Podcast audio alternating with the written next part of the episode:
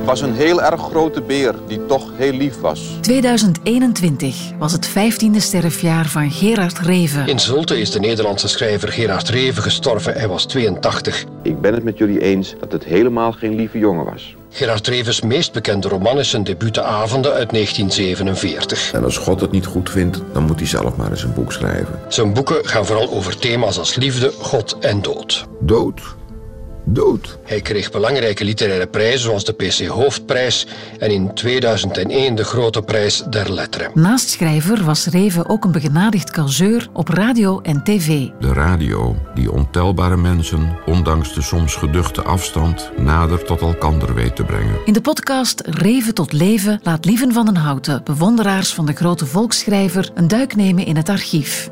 Uit de vele uren interviews kozen zij de mooiste momenten. Alle dieren zijn eigenlijk zonder het te weten katholiek. Reven tot leven. Decadentia, immorale, multifelti corti rocci. Deze keer met tijger en woelrat. Dag Tijger en Woelrad. Goedemiddag. Goedemiddag, lieve. Jullie heten Tijger en Woelrad omdat Gerard Reven jullie die namen gegeven heeft, hè? Nee. Nee? Nee. Oh, dat is al een eerste rechtzetting. Eigenlijk niet. Hij heeft ons gevraagd een naam te bedenken. Ja, ik was de eerste in 1963. Hij wilde over mij kunnen schrijven, onder schuilnaam eigenlijk. Dus ik moest een iets bedenken en ik vond het erg moeilijk. Maar ik was net in Winnie de Pooh aan het lezen. En, uh, net bij Tijgertje aangekomen en dacht, nou, het lijkt wel een beetje op mij. Tenminste in zijn gedrag. En dus je hebt zelf Tijger bedacht? Nou, doe, tijger, doe maar Tijgertje. En dat heeft hij overgenomen. Maar hij heeft dus niet zelf bedacht, maar wel overgenomen van mij. In 1963 was jij met Gerard... Jij bent er later bij gekomen, Boelrad. Dan waren jullie ja. een tijd lang een soort van driespan. Ja, wij zijn met ons drieën getrouwd geweest. Um, dat is dus niet zomaar iets. We hebben toen afgesproken om tot onze dood bij elkaar te blijven. En Woelrad is door Tijger bedacht, niet door mijzelf. Gerard had uh, duinkonijn, geloof ik, en olifant. Want in de eerste brieven noemt Daar hij... kom je nog goed vanaf. ja, maar Tijger vond Woelrad beter bij mij passen... omdat Tijger uh, verlegen was met Gerard de eerste tijd... en spastisch-achtige bewegingen ja, ook kon maken. Ik werd uitgemaakt voor spastisch door ja. Gerard. En Tijgertje is ook een beetje spastisch. Die ja. trekt tafelkleden van tafel en zo. Ik dacht, nou, dat lijkt er wel wat Zo is het. En ik... Uh, ik, uh, ik Jij woelde graag. Ik werd, nou ja, ik werd 's ochtends aan het andere eind van bed wakker of zo. Ja. Het kon niet uh, heel erg. En toen zei Tijger tegen Gerard, weet je, een, een betere naam voor Henk, Henk Hendrik is uh, Woelrad dan. En zo is het gewoon geworden. Het is eigenlijk wel toch ons eigen intellectuele eigendom. Ja. Jullie zijn getrouwd. Was dat een echt ritueel met, met een soort van priester of hoe is dat gegaan? Nou, dat niet. En je kon ook nog niet echt trouwen en je kon je ook nog niet laten registreren in die tijd als partner. Maar we hebben wel alle drie een trouwring gekocht, een dikke trouwring. En die laten we op onze trouwfoto zien. Dat noemen dus een foto waar we alle drie op staan met de zelfontspanner gemaakt in Friesland. En daar laten we alle drie onze trouwring duidelijk zien. En die foto heeft Gerard ook op de televisie getoond. En heeft er toen bij gezegd, we zijn nu met z'n drieën getrouwd. Dus daarmee was het bezegeld eigenlijk. Ik zit naar jullie handen te kijken. Ja, nee, niet meer. Nee, nee we dragen geen sieraden meer, maar ook... Uh, maar hij is er nog wel, de trouwring. Ja, zeker, ja, maar die zeker. ring die werd... Uh, ja, ja, nou ja, die ging me irriteren. Ik vind eigenlijk, we hebben, ik heb het ook eens spottend wel gezegd in het nieuws, een keer, dat ik me heel lang geleden, dat wij de relatie met Joop uh, als een buitenechtelijke relatie beschouwen. Dat was natuurlijk toch wel spottend, omdat Gerard kon dat zelf zo goed, hè, dit soort hoon en spot was die, dat was natuurlijk, uh, en dat heb ik ook gezegd, tot grote woede en brieven daarna. Maar uh, wij zien het eigenlijk wel zo. Wij vonden dat de afspraak die we toen als jongens gedaan hebben om elkaar, omdat wij volmaakt bij elkaar pasten, eigenlijk erotisch en uh, ook en geestelijk, al is natuurlijk een generatie ouder en een genie, literair genie natuurlijk. Wat wij niet, uh, wij konden goed schrijven, vond hij. Heel goed vond hij altijd. En moest ook schrijver worden. Maar uh, wij vonden wel dat we die, dat die belofte, dat die, dat, dat zouden kunnen waarmaken. En, uh, dus dat, huwelijk dat bestaat nog volgens jullie? Nou ja, wij, wij, gaan daar, wij hebben besloten Twintig jaar geleden, we waren natuurlijk gewend geraakt eerst aan, het, uh, aan alles. Dat wij eigenlijk ook van het uh, literaire toneel, of hoe noem je zoiets, wij waren verdwenen en deden niet meer mee. En de omgeving, de, de, de relaties, de vrienden of de kring om Gerard heen, door ons de bende van zes genoemd. Want je had geloof ik bij in, in China ook een bende. Uh, een bende van vijf toen, maar wij noemen dat de bende van zes. Dat waren zes mensen, waarvan gelukkig de meesten nu dood zijn. Maar uh, die, uh, die hebben ons proberen uit de, het leven van Gerrit en uit, het, uh, uit alles te verwijderen. Dat maakten wij natuurlijk in die loop der jaren mee. Tot ineens twintig jaar geleden we gevraagd werden voor zo'n belangrijke gebeurtenis als de opening van een hele grote tentoonstelling in Den Haag toen. En ja, toen bestonden we. En dat is eigenlijk heel belangrijk geweest. Wij hadden natuurlijk heel veel gezichtsverlies geleden. Dat vonden we ook heel erg wel. Hij heeft vaak over Tijgertje en Woelrad geschreven. Mhm. Herkennen jullie zich daarin? Uh, gedeeltelijk natuurlijk wel. Maar hij spotte heel graag en hij, ja, hij overdreef en maakte alles groter dan het was. Zodat iedereen erg moest lachen. En um, ja, op, in het begin kijk je er raar tegenaan en denk je... Goh, niet zo leuk eigenlijk dat ik zo word afgeschilderd. En ze, ja, ze weten natuurlijk al gauw wie dat dan is. Dus dat tijgertje helpt verder ook niks. Maar nou ja, je weet dat je met een schrijver eh, bent, dus om hem niet te storen, vind je dat dan goed? Ja. Laten we eens luisteren naar een stukje door Gerard Reven, of ik moet eigenlijk zeggen Gerard Cornelis. Wij zeggen nog Gerard Cornelis, Franciscus, Marquis van het Reven. Dat is volgens jullie zijn naam? Ja, in ieder geval tot en met Cornelis zeker. En de rest uh, was, waren fantasienamen, maar goed. Dat was in die tijd zo, ja. Ja. Dus ik ga proberen van het Reven te zeggen, om, om jullie niet voor het hoofd te stoten. ja. Maar dus Gerard Cornelis van het Reven, die uh, leest een stukje zelf voor uit Nader tot u.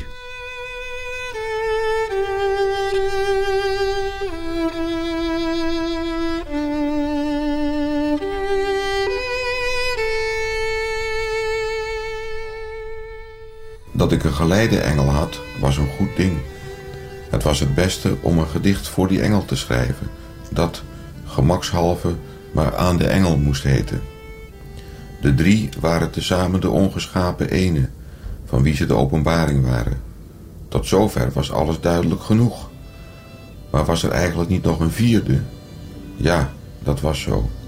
Jazeker, er was een vierde, die de drie en de ene in alle eeuwigheid verbond, die stil was en woordloos, maar die alles vervulde en die ik ergens gezien had, laat op een middag, maar waar? Wat ziet gij? Ik zag geen ziedende pot komende van de noordzijde. Wat ziet gij? Ik zie stoffige ramen achter geel geworden vitrage onder oud zonlicht. Gij hebt goed gezien. Wat hoort gij? Ja, soms ja, hoor ik een stem. Ach, heren, ik kan wel spreken, want ik ben niet jong meer. Want ik begreep nu wat ik tevoren niet begrepen had. En ik herkende eerst nu wat ik toen gezien had, op die late namiddag, toen tijgertje mij, omdat ik weer eens in de greep van een boze en onreine geest was geraakt, tot verstrooiing en troost in de automobiel had rondgereden. En mijn hand schreef het op. Nu weet ik wie gij zijt, de jongen die ik eenzaam zag te woudsend en daarna nog op dezelfde dag in een café te Heeg. Ik hoor mijn moeders stem. O dood, die waarheid zijt, nader tot u.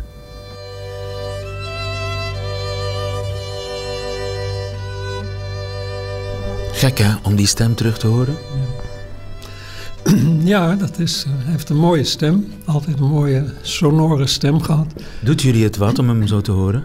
Jazeker. Ik, ja, nou ja, ik zit er niet bij. De tranen biggelen niet over mijn wangen, zoals je ziet, maar het uh, ontroert je wel, ja zeker. En die, die late middag, toen Tijgertje mij uh, in de auto meenam, omdat ik weer eens, hoe, hoe zei je het? Om, in de greep van een in, onreine geest. In de greep van een onreine geest was. Ja. Herinner jij je dat nog? Dat kwam heel vaak voor. Dan, uh, ja, Geert, s ochtends vroeg werkte die, heel vroeg, schreef die. Als het, als het goed mee zat, schreef hij dan een halve pagina of zo, of een hele pagina. Dan was hij heel blij, maar de rest van de dag moest hij ook doorkomen. Dus smiddags dan wilde hij toch wel wat drinken. Rode wijn. In Friesland was het altijd rode wijn. En ja, vaak werd hij dan ook somber. En um, dan besloten we een tochtje met de auto te maken. Door, dus we kennen alle binnenwegen van Friesland langs mijn hand. Ik heb alle, alle weggetjes door, rondgereden. Daar knapte hij van op. En we gingen ook wandelen in Gaasterland. Dan, uh, ja. En dan werd hij rustiger? Dan werd hij rustig. Daar werd hij, ja, zeker werd hij rustig van, ja. Dat had hij echt nodig. Dus maar je herinnert je niet die ene specifieke autorit waarin hij, althans volgens deze tekst, nader tot u het gedicht bedacht heeft? Nee, nee hoor. Nee, dat is toch denk ik wel fantasie van de schrijver. Nee. Maar ja, het komt wel aardig overeen natuurlijk met de stemming die hij wel dagelijks eigenlijk had. Dagelijks? Ja, ja eigenlijk wel. Ja, hij was toen een vroege veertiger, jij een vroege ja. twintiger. Ja dat moet wel een, een zware last zijn geweest. Je zat in het afgelegen Friesland. Ja, nou ja, toen ik Geert ontmoette was ik heel blij dat ik iemand ontmoette met wie ik kon praten over mijn homoseksualiteit. Die daar gewoon over kon meepraten, want ik kende echt helemaal niemand. Dus dat was al een geweldige opluchting en, en dat maakte ook dat het heel goed ging allemaal. En later... Um, nou ja, het was, ik heb het nooit echt als een last gevoeld. Alleen wel problematisch dat hij... Hij dronk echt door. Hij begon dan met één glas, heel voorzichtig. Nog eens een glas. En dan ging het steeds sneller tot hij echt... Uh, ja, in Friesland wel vier flessen wijn op had.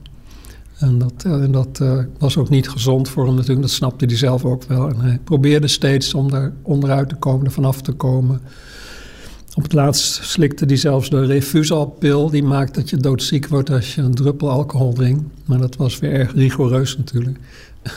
Hij had die alcohol ook wel nodig uh, om los te komen, om, om zich te ontspannen. Maar hij besefte ook wel dat hij, als hij nodige dronk, ook eigenlijk geen mooi werk meer kon maken. Dat vond hij tenminste hoor. Ja. S ochtends was hij echt helemaal nuchter natuurlijk. En dan ja. was het doodstil in Friesland en dan kon hij goed werken. Maar zijn er geen momenten geweest dat jij dacht, jeetje, ik ben, hoe oud was je, 23? Um, ja, ik was, uh, kijken, 22 toen ik hem leerde kennen, geloof ik. Maar ja, uh, ja, het was wel een groot leeftijdsverschil, 18 jaar. Dat vond ik wel jammer. Maar ja, daar doe je niks aan en dat is ook, uh, ja... Je kan niet alles zo krijgen als je precies krijgt als je het hebben wil. En er waren zoveel bijzondere en goede dingen aan Gerard en aan, aan ons aan onze samenleving eigenlijk. Wat, was het, wat zijn de mooiste herinneringen? Um, we zijn samen op reis geweest naar Engeland, naar Londens vriend P. Uit op weg naar het einde. Dat was heel, heel fijn, die was heel gastvrij. En dan was je ook even helemaal, ja, had je even helemaal geen zorgen. En dan kon die ook eigenlijk niet schrijven, alleen brieven. Dus dan was het een zorgeloze vakantie eigenlijk. En ook, uh, ook wel onze vakanties naar Spanje. Maar dan was hij ook wel vaak erg verkrampt. Hij zegt zelf, vertelt hij over een boekje dat heet De Zomergeneugten van de familie Kramp. dat, is een, dat is een echt bestaand boekje van iemand. En zo was het bij ons ook wel een beetje, want hij was wel heel erg neurotisch. Hij was heel gauw uh, in de war en helemaal on, ontstemd en in de war als er iets niet helemaal vol naar ben, ging zoals het moest gaan. Ja. Bijvoorbeeld uh, autopech onderweg, een accu die uh, die leeg liep steeds. Nou, daar werd hij helemaal stapelgek van. Ja. ik kon er wel tegen. Ik ging gewoon naar de garage. En uiteindelijk bleek dat ik had vergeten de autoradio uit te zetten s'nachts. Ja. en dat hij dus gewoon s'nachts elke keer leeg liep, die accu. Ja. Dat is stom. Maar ja, goed, het was altijd tijdelijk probleem. Maar dat ging dan weer over. En als hij een keer uh, echt kwaad tegen mij deed, dan had hij ook meteen spijt al heel gauw. En zeker de volgende dag, dan maakte hij er een heel theater van. Dat hij zo'n spijt had en dat ik zo geweldig was. Ja. enzovoort. Dus het werd allemaal. Uh, het was niet zo dat ik echt daarvan in de put raakte of zo. Ja. Alleen op het moment zelf moest je natuurlijk wel op je hoede zijn dat het niet uit de hand liep. Want hij, ja, dan was hij heel ongeremd, werd hij op een gegeven ogenblik. En ook gewelddadig. Hij heeft ook wel eens het huis half afgebroken toen hij een keer heel kwaad was. De buurman erbij moest komen om te kalmeren, dat ik hem in mijn eindje niet uh, vast kon houden. Maar over het algemeen, als hij echt zelf vond dat het te gek werd, dan vroeg hij mij hem een injectie te geven van barbituraat. Dan moest ik in zijn been, zo, ik had zo'n insulinespuit, dan moest ik in zijn been erin gooien eigenlijk, want die benen was moeilijk. Die benen waren heel hard en gespannen, dus soms anders stuiterde het gewoon terug. En dan, uh, nou, dan gaf ik die, die ampul barbituraat en werd hij slaperig. Ja. Nou ja, moest ik hem naar bed brengen. Ik heb zo met je te doen, echt waar. Ik zie zo'n 22-jarige jongen, die, die, die een man die, die 20 jaar ouder is, die de beroemde schrijver is. En, en die injecties moet geven als hij gewelddadig wordt, die elke dag uh, on, of heel vaak uh, heel treurig en angstig wordt. En je zit dan in Friesland. Wie bel je? Wie, had je iemand om mee te praten? Had je steun? Um, Nee, niet veel mensen, want bijna iedereen kwam al op hem af, omdat hij natuurlijk uh, interessant was door zijn schrijverschap. Dus.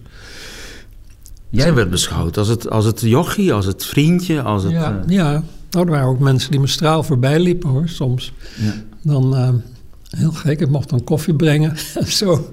En Gerard had dat helemaal niet in de gaten. Die had ook niet benul om mij voor te stellen eigenlijk. En zei, wel, zei misschien wel eens van dit een stijgertje, maar niet...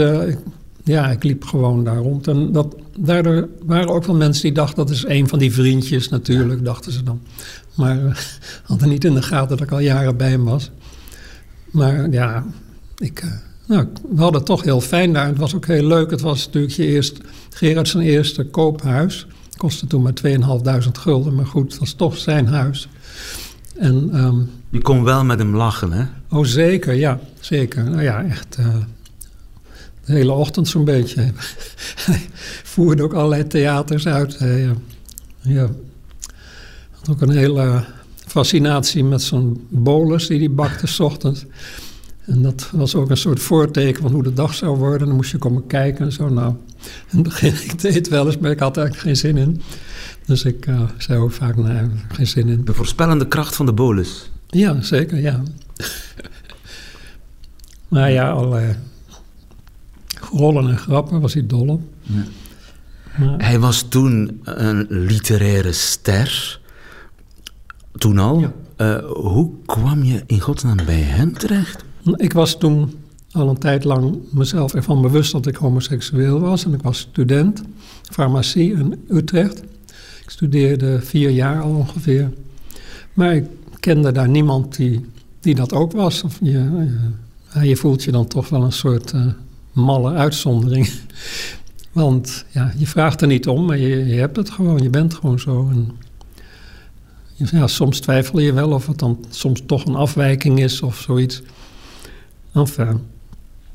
Maar ja, in die tijd, ik zocht dus eigenlijk ook naar een vriend, maar die was er helemaal niet in Utrecht. In ieder geval, waren er misschien wel, maar dan durfden ze er ook niet vooruit te komen. Dat was echt... Uh, en dus je dacht, ik bel even bij Reven aan? Sorry, van het Reven. Uh, nou ja, nee, dat kwam. Uh, er was een recensie van Op weg naar het einde in NRC. En er stond een grote foto bij van hem. Het leek me een leuke man, een aardige man. Dus ik dacht, nou, daar durf ik het wel aan te vragen. En bleek gewoon een telefoonboek te staan. Dus dacht ik, nou, dan moet ik daar maar heen. en dat heb ik gedaan. heb ik gewoon aangebeld. Ja, het was wel even spannend natuurlijk wat er zou gebeuren. Of ik niet meteen zou worden weggejaagd. Maar ik mocht boven komen, twee hoog. En uh, ja. Nou ja, toen hebben we kort kennis gemaakt. Maar ik was net jarig geweest, dus ik, ik kwam niet gelegen. Eigenlijk had ook bezoek. Toen hebben we een afspraak gemaakt om elkaar in rust te ontmoeten. En, en zijn eigenlijk, eigenlijk zijn we vrij blijvend bij elkaar gebleven aanvankelijk. Want hij had net Wimi was hij kwijtgeraakt, zijn vorige vriend. Na, na Hanni Michaelis had hij Wimi.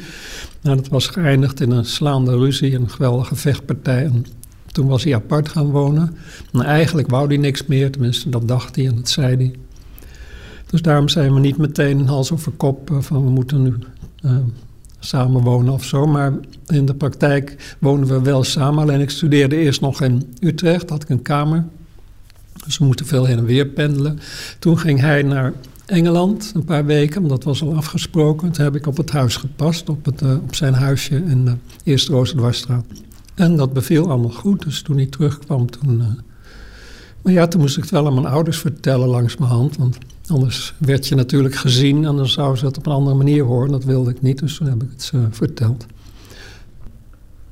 Op 23 oktober 1969 word jij wereldberoemd in Nederland. Want dan is er een, uh, een rechtstreekse uitzending, een hommage aan uh, Gerard Reven vanuit de Vondelkerk in Amsterdam. Uh, en op het einde van die rechtstreekse televisieuitzending vanuit die Vondelkerk gaat de fanfare de kerk uit en jullie beiden als een soort van bruidspaar, hand in hand, rechtstreeks op televisie, achter de fanfare, de kerk uit door het middenpad. Maar ik wil nog hier iets aan toevoegen, dat misschien mensen anders zouden over mij kunnen denken, die altijd zeggen, of het vijanden zijn, weet ik niet, hij is een acteur, een charlatan, een comediant, hij is een clown. En tegen die mensen zou ik willen zeggen, ja, dat is waar.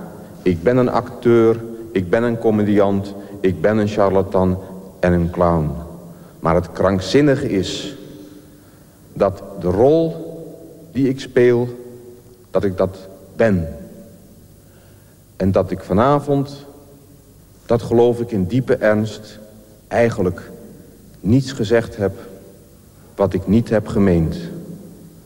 En nu zou ik willen zeggen in enkele woorden wat ik over de laatste en uiteindelijke dingen geloof, los van het feit dat ik toevallig in een bepaalde religieuze denominatie sta.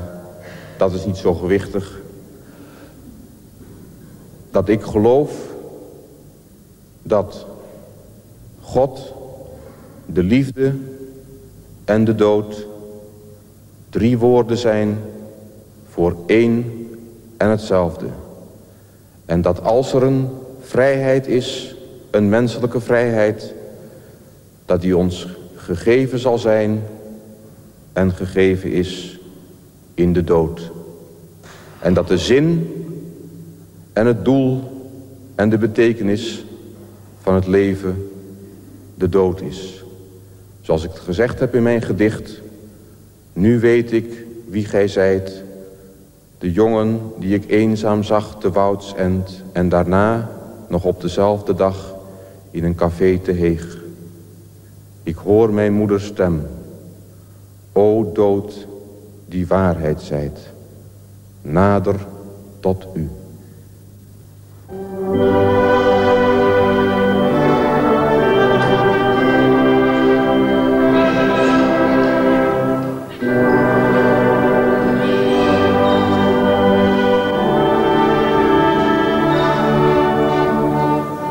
Beseft je op dat moment hoe historisch dat was?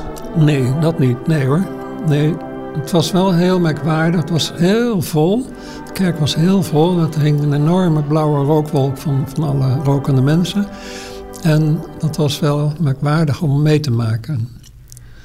Ik vond het, ik wou, wilde het aanvankelijk ook liever niet. Ik had er niet zo'n zin in, maar Gerard wilde het graag. En toen uh, heb ik mijn bril in mijn zak gestoken en uh, ben ik meegelopen.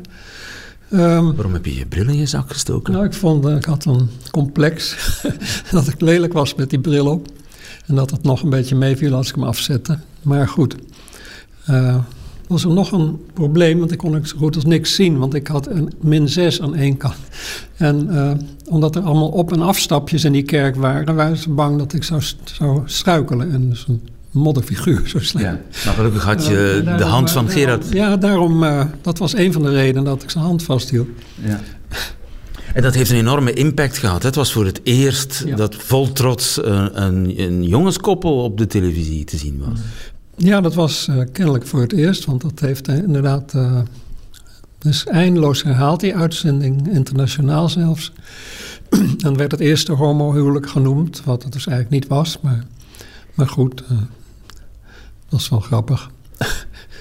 En herinner jij je op het moment zelf dat je die stappen zet, die wandeling maakt, weet je nog wat je toen dacht?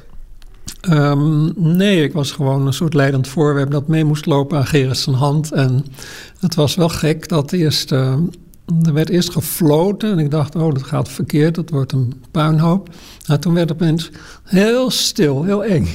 Een, soort, een soort heilige stilte. Toen de tweede helft, toen we doorliepen, hield het fluit opeens op.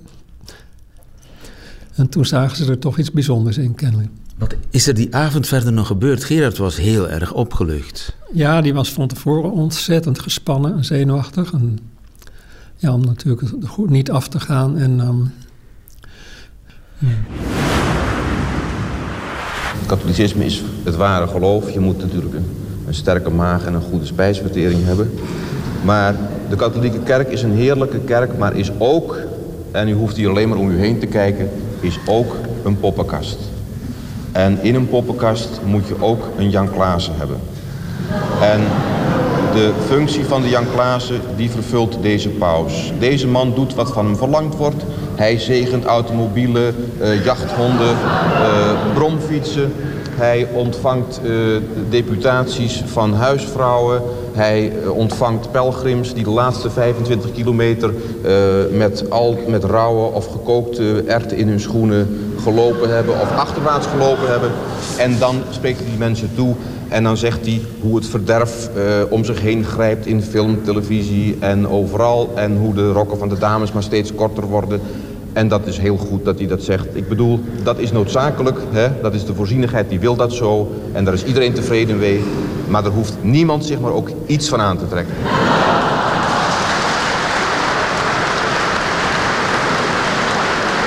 En Sanderendaags wist ik niet, maar merk ik nu ik het archief doorblader. Hebben jullie nog een lunchafspraak op de radio met Mies Bouwman? En was ik eerlijk gezegd vergeten, maar toen ik het hoorde, vond ik, uh, herkende ik het alweer. Ja, het was wel heel leuk. En uh, waar was dat?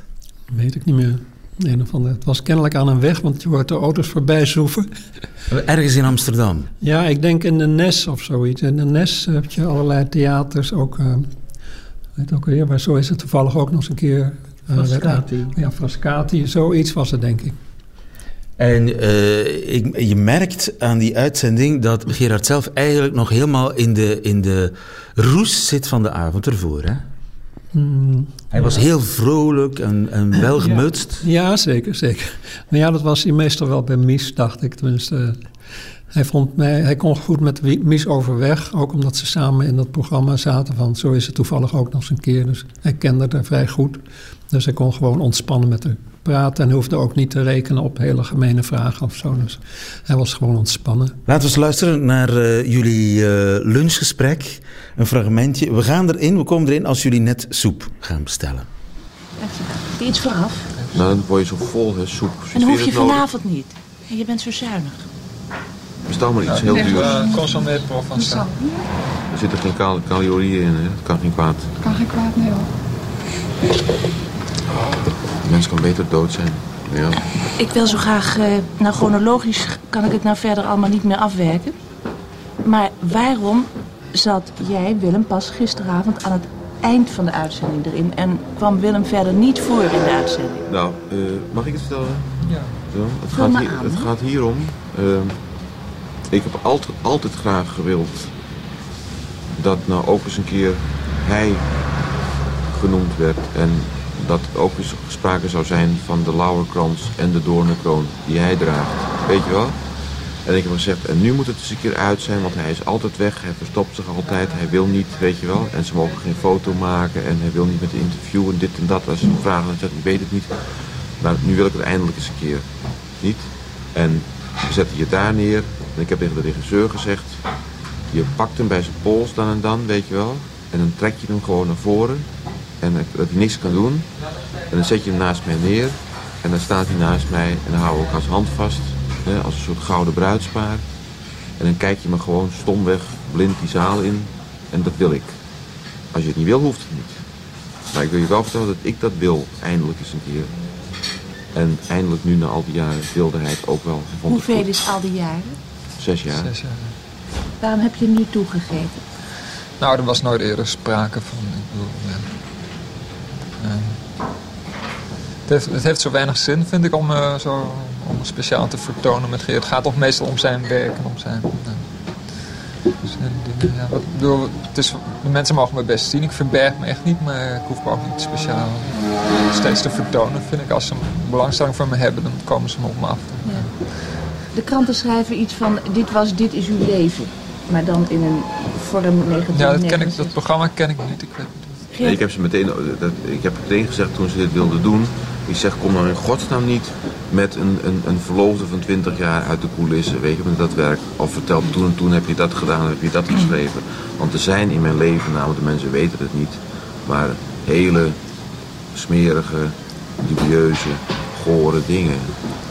Als ze dat ooit zouden ontdekken. Hè, die ze ooit wel eens een keer voor, me- me- me neer zullen leggen. En zeggen, is, is dat waar? Is dat werkelijk zo? En dan zal ik moeten zeggen, ja, maar door Gods genade wordt verhinderd dat ze dat ooit ontdekken. Want er is een hoop zwijnerij en smeerlapperij in mijn leven.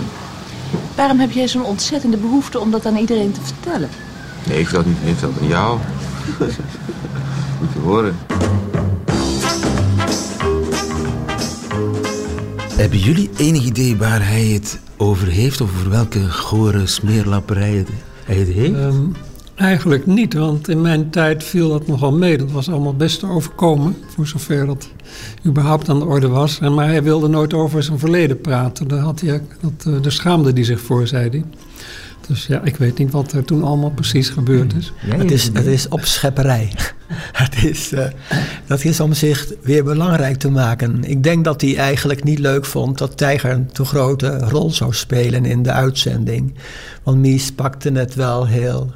Ja, eh, de benadering van Mies eh, is natuurlijk toch wel heel. Heel, heel, heel, heel mooi. Of hoe mooi het is. En ja, Gerard is, wil dat het uitsluitend al wel dat hij toch de hoofdpersoon is. En ik denk dat hij zoiets bedacht. Want ik, volgens mij is, er is, is het, bestaat dat niet. Hij was eh, erg eh, gereformeerd, vond ik, in zijn eh, benadering van alles. En waarop hij zin speelt, is denk ik toch eh, bluff. Die uitzending, eh, heb jij die ook gezien toen, eh Woelrad? Ja, de finale. Ik studeerde en klopte aan bij, in de studentenflat woonde ik toen. En ik klopte aan bij een, een, een student die de, om, om iets te vragen voor een tentamen dat we zouden hebben. En hij laat me binnen en zegt, ga zitten, ga zitten, ga zitten. Moet je kijken, dit is, eh, dit is van het Reven, dit is live, dit is een uitzending hier vlakbij. Het is zo krankzinnig goed, moet je gaan zitten. Dan kijken we samen naar de, het is bijna afgelopen. En dat was, toen kwam dus inderdaad, ik hoorde hem nog het, eh, de vergelijking van de Rooms-Katholieke Kerk met de paus met een poppenkast, met Jan Klaassen. Dat heb ik natuurlijk allemaal, dat waren natuurlijk briljante vondsten om onder druk zoiets te bedenken. En, eh, want hij schitterde wel volgens, ja, ik ben dat niet, was dat niet gewend. Maar ik van de Hoe ene, oud was je toen? ik was denk 19 toen. En wat studeerde je? Ik studeerde niet-westerse sociologie in Amsterdam. Niet-westerse sociologie. An- antropologie, Oké. niet-westers. En eh, ik studeerde, het was een... En ja, dat, eh, dat ging eigenlijk ook heel goed. Maar dan komt de finale waar we het net over hebben. En dat heeft wel mijn, wel mijn leven wel op zijn kop gezet, om die cliché te gebruiken. Uh, ik was onvoorstelbaar ontroerd. Ik had uh, wel naar de tatuur gelezen. Ik was al op het gymnasium een groot bewonderaar. Ik mocht ook op mijn eindexamen uh, Nederlands, het mondelinge gedeelte, uh, dat vertellen. Kon ik over mijn liefde voor zijn werk. Terwijl ik op een gereformeerd gymnasium zat. Het was dus al heel bijzonder los, eigenlijk ook. En dat heb ik dus gedaan. En dus ik, ik bewonderde hem mateloos. En ik was toen, uh, ja, ik heb. Uh, ik was zo ontroerd, zo onder de indruk, dat ik uh, besloten heb die avond om te proberen Gerard en Tijger te ontmoeten. Ik was toevallig bevriend geraakt op een studentenweekend voor homoseksuele studentenwerkgroep homoseksualiteit, waar ik ook wel eens iets uh, actief. Ik was niet actief, maar ik ging er wel heen. En daar was uh, onder de stafleden kandidaat katholiek A. Dat wist ik natuurlijk niet. Dat was uh, uit, uh, op weg naar het einde, geloof ik. Hoe heette die eigenlijk, die katholiek oh, A? God, even, dat was, uh, nee, niet God, dat was Ad van Delden. Dus is later ook een klein briefje, een boekje met zijn, de correspondentie tussen Gerard en Ad. En Ad was een heel, is een periode een belangrijk vriendje van Gerard geweest in de tijd van Wimi, de, af, de laatste periode met Wimi. Dus uh, hij vertelde, dat had, had, hij verteld, want hij probeerde mij, hij maakte avances en, en om mij indruk te maken, uh, vertelde hij dat. En ik ging niet op zijn avances in, maar had wel gewoon alles gehoord, onthouden. En toen die avond dacht ik, nou weet je, ik ga vragen of ik voorgesteld kan worden. En nou goed, dat is zo gebeurd. Ik ben op 12 november, twee weken denk daarna, na de uitzending, meegenomen naar, de, naar, naar, naar, naar Tijger en Gerard, die in Amsterdam waren voor Tijger zijn verjaardag. En daar ben ik verschenen. En ik was altijd heel uh, verlegen en heel zenuwachtig. En als ik uh, bij vreemden een glas wijn kreeg of zoiets, of alcohol, dan trilden mijn handen altijd. Dat weet ik nog heel. Was, daarom, daar geneerde ik me voor. En ik, ik, ik, ik probeerde dat ook te voorkomen, dat het iemand dat zou zien. Zo verlegen was ik eigenlijk. En die avond, voor het eerst, ik kreeg een glas wijn van Gerard. Gerard Present was heel gastvrij, was heel lief en toeschietelijk. en vertelde alles wat je... Hij onderhield ons. En zoals Gerard, alleen Gerard dat kan. En dat kon. En um, dan, uh, dan krijg ik dus ook een glas wijn. En ik, dan, dan tril ik niet. Dat is het sim, signaal een symbool voor mijn, uh, van mijn. Uh, um, ik, weet, ik weet daar geen woord. Het is een heel. Ik, ik, was wel heel verliefd, natuurlijk. Wie was toen niet verliefd op Geer? Welke jongen eigenlijk niet? Meisjes en jongens. En ik was wel heel natuurlijk geïnteresseerd, maar ik was niet. Uh, met mijn, ik heb er nooit aan gedacht. Wat was het eerste toen jij, wat jij dacht toen hij verscheen? wat een leuke jongen, wat een bijzonder lief en ja, hij was ook heel, hij was inderdaad heel verlegen, maar toch ook heel stralend op een bepaalde manier. Uh, dat heeft hij nu nog als hij lacht. en dat, uh, ja, dat maakte indruk op. En, ja, ik hoopte eigenlijk hoopte toen al een tijd dat, we, dat iemand zou vinden die bij ons zou kunnen blijven. Dat we met ons drieën, omdat, omdat ik dacht met z'n tweeën kunnen we Gerard dan veel beter begeleiden. Dan kun je elkaar een beetje afwisselen en dan is het niet zo heavy. En uh, dat was nooit gelukt, want mensen hebben altijd hun werk of uh, wat dan ook. Of ze kunnen niet naar Friesland komen, of in ieder geval, dat lukte nooit. En hij was zomaar bereid om, of hij wilde wel bij ons komen wonen in Friesland. Dat was meteen geregeld? Nou, dat heb ik wel aan Gerard gevraagd of Gerard daarmee eens was. Uh, want het was natuurlijk in de eerste plaats dan voor mijn, mijn wens. Maar Gerard, ja, die gunde mij heel veel ook. En die Gerard vond, uh, Wolgat ook een hele leuke jongen. En die vond het goed toen. En dus dan ben je vrij snel naar Friesland gegaan? Ja, ik heb eigenlijk, uh, ik ben geloof ik uh, eigenlijk alleen nog teruggegaan naar onze kamer voor het verhuizen, dat soort dingen. Ik wilde wel dat heel graag blijven. Ik wilde eigenlijk ook nooit meer weg. Toen... En die studie antropologie? Ja, ik ben, ik ben gewoon, ik hoefde van Gerard niet meer te studeren dat was wel het, heel Heb je daar geen spijt van?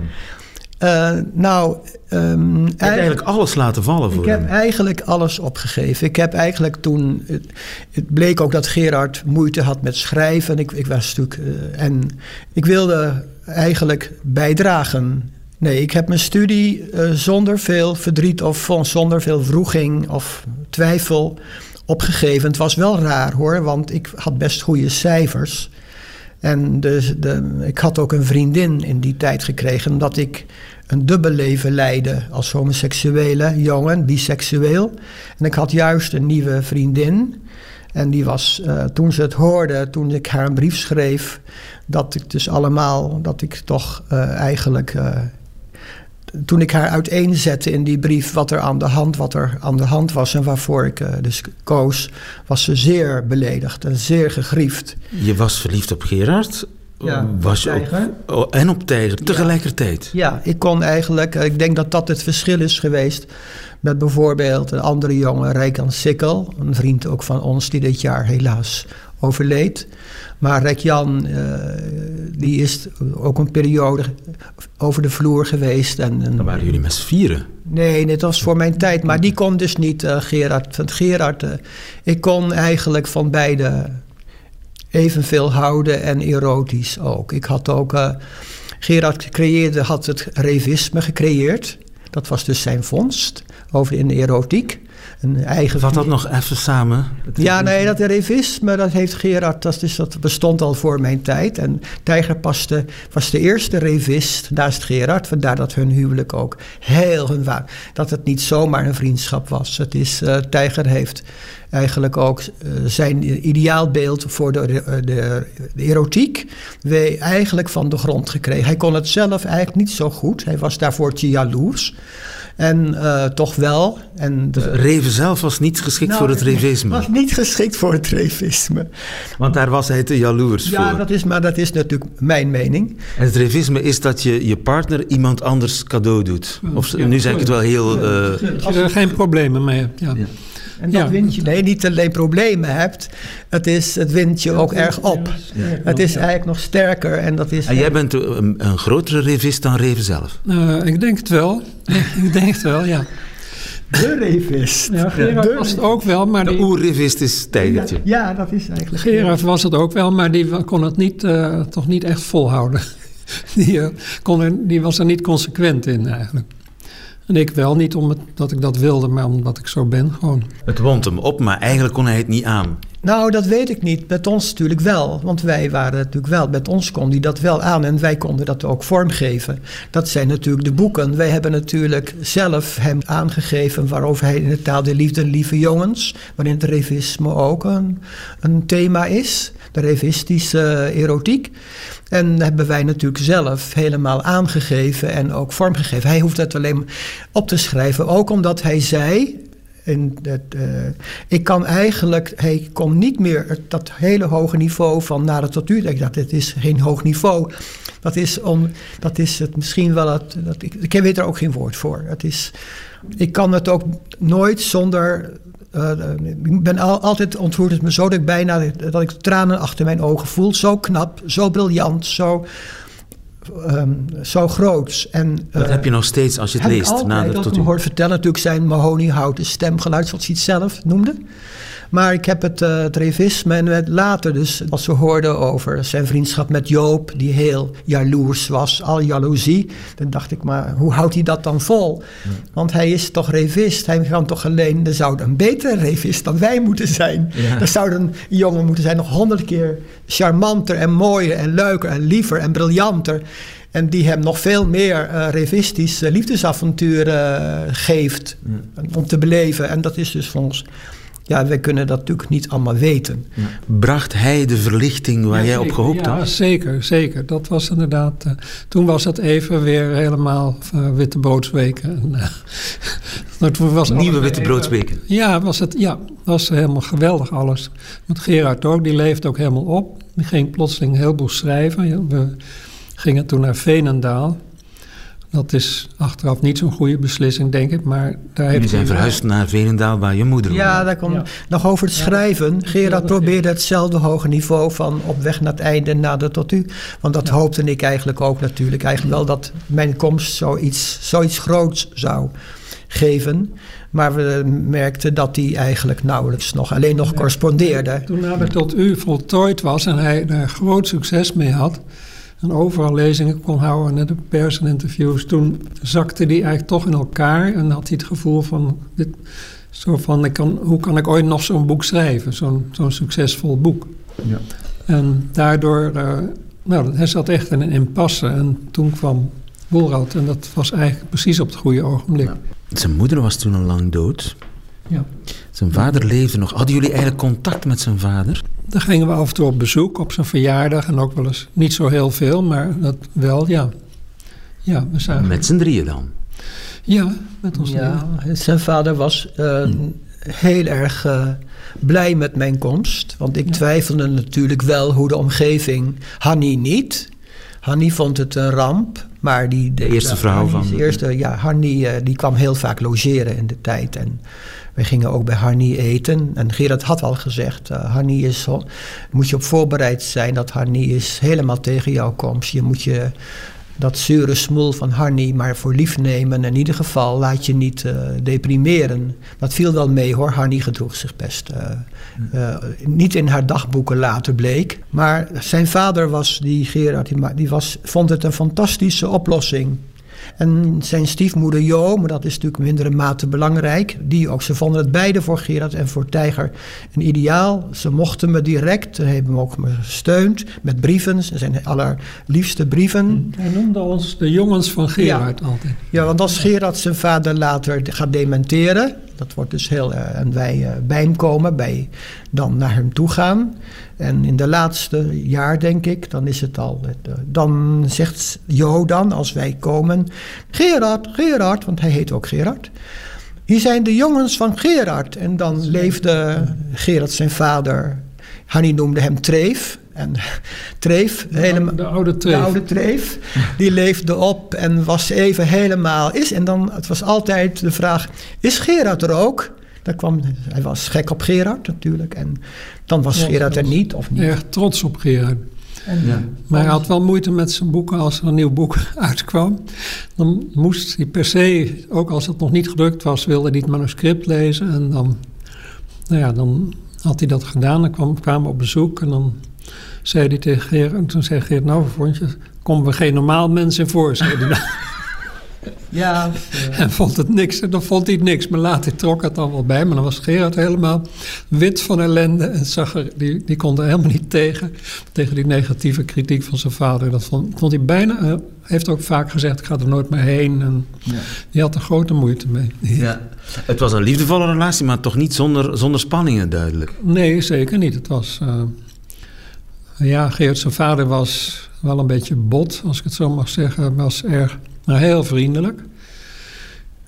Maar niet fijngevoelig. Dat heeft hij inderdaad van zijn moeder, kennelijk.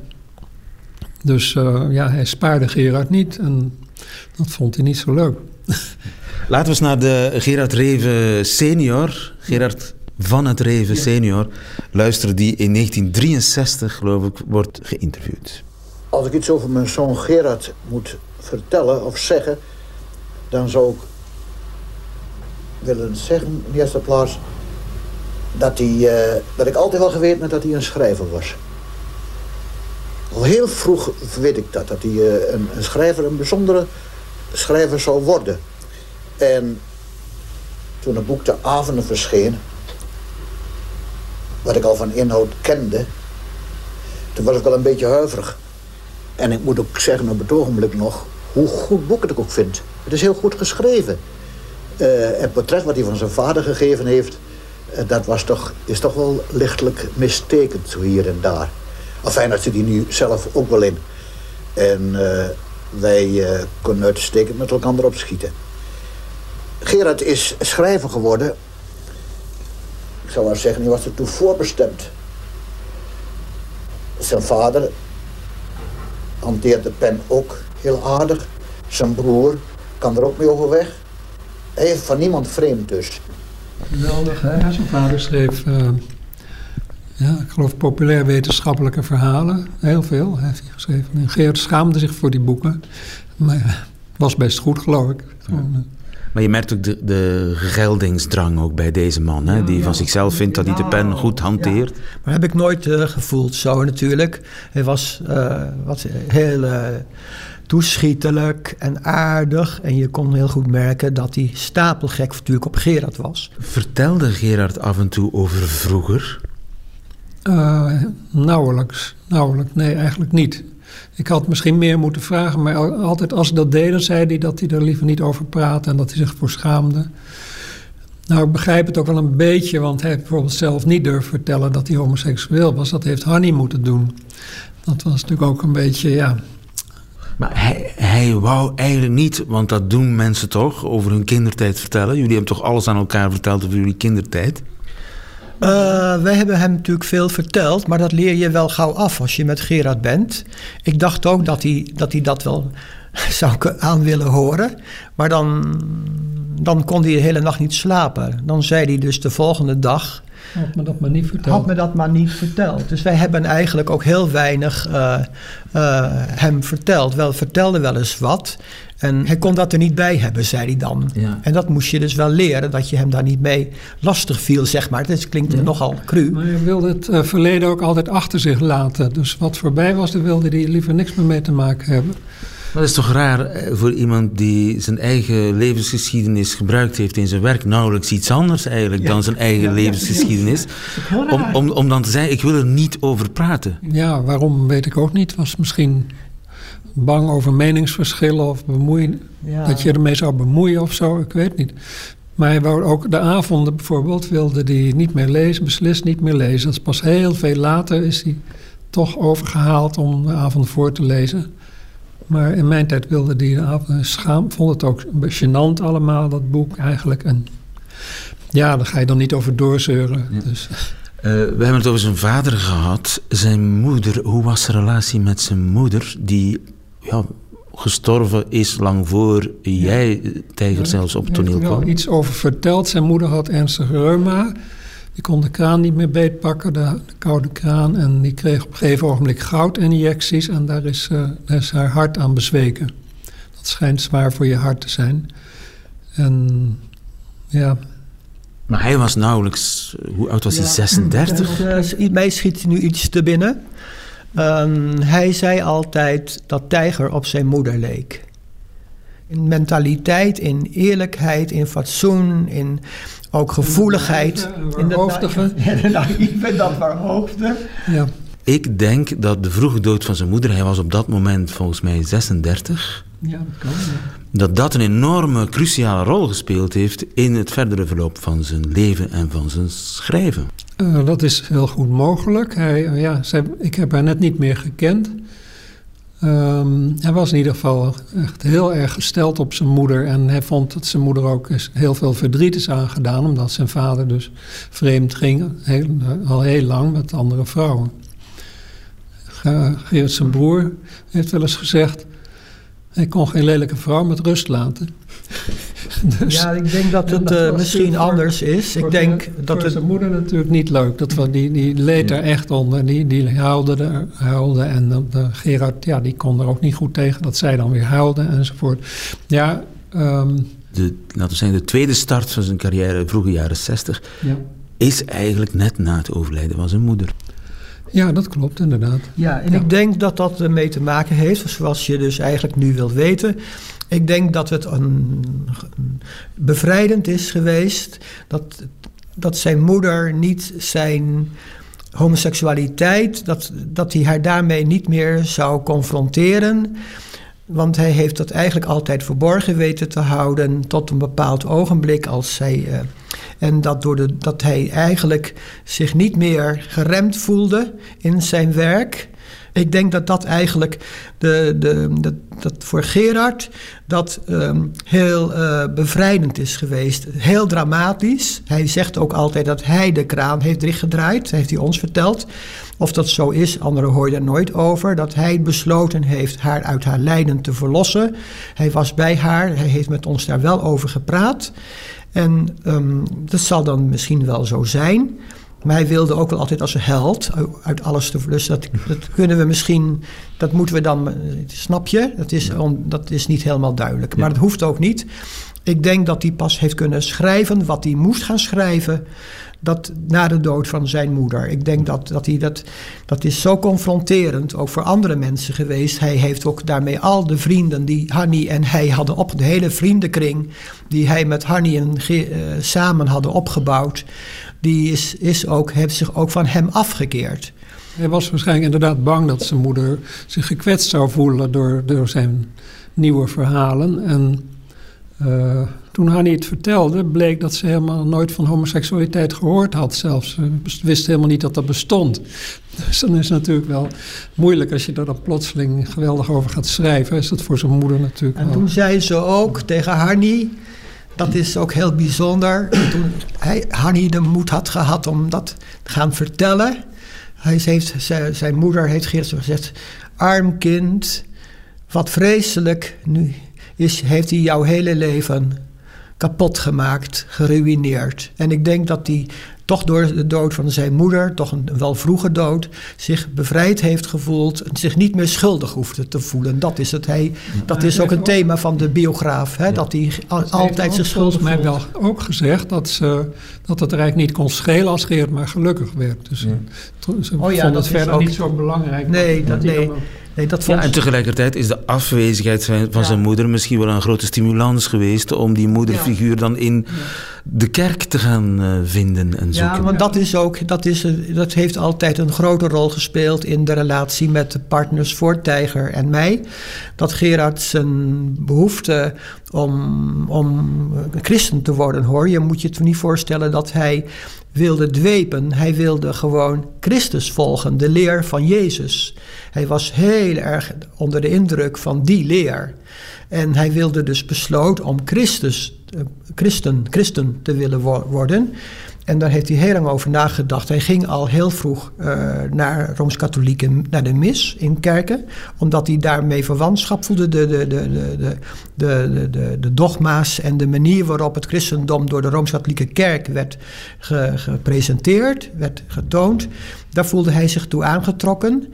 Ook vooral door de, door dat, eh, de Maria-verering, omdat hij vond dat de moeder van God al in de vroegere uh, religie, religie, voor ons, voor het christendom, ook al heel vaak de hoofdrol, de moeder-godin, al de hoofdrol speelden. Hij vond het overnemen van de moeder van, God, de, de moeder van Jezus als belangrijke heel belangrijke persoon, de eer die haar, die haar wordt gegund in, het, in, in de kerk die zij krijgt.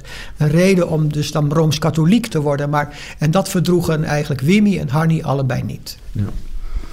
Nou. We hebben nog een laatste fragment, een lang fragment uit uh, Homo Nos.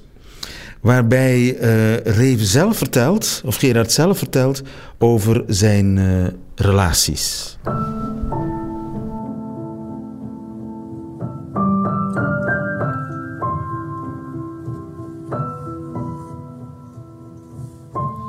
Was het nou moeilijk om aan contacten te komen? Nee, dat was niet zo moeilijk.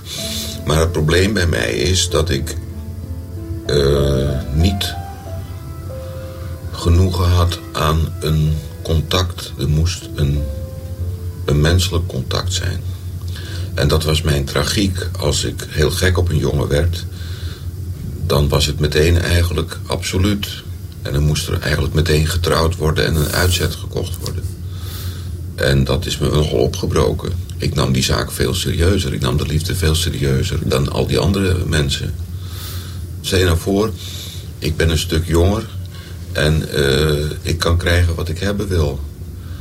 Maar dat zou mij niet bevredigen. Een serie van, van, van jongens met wie, je, met wie je kunt verkeren.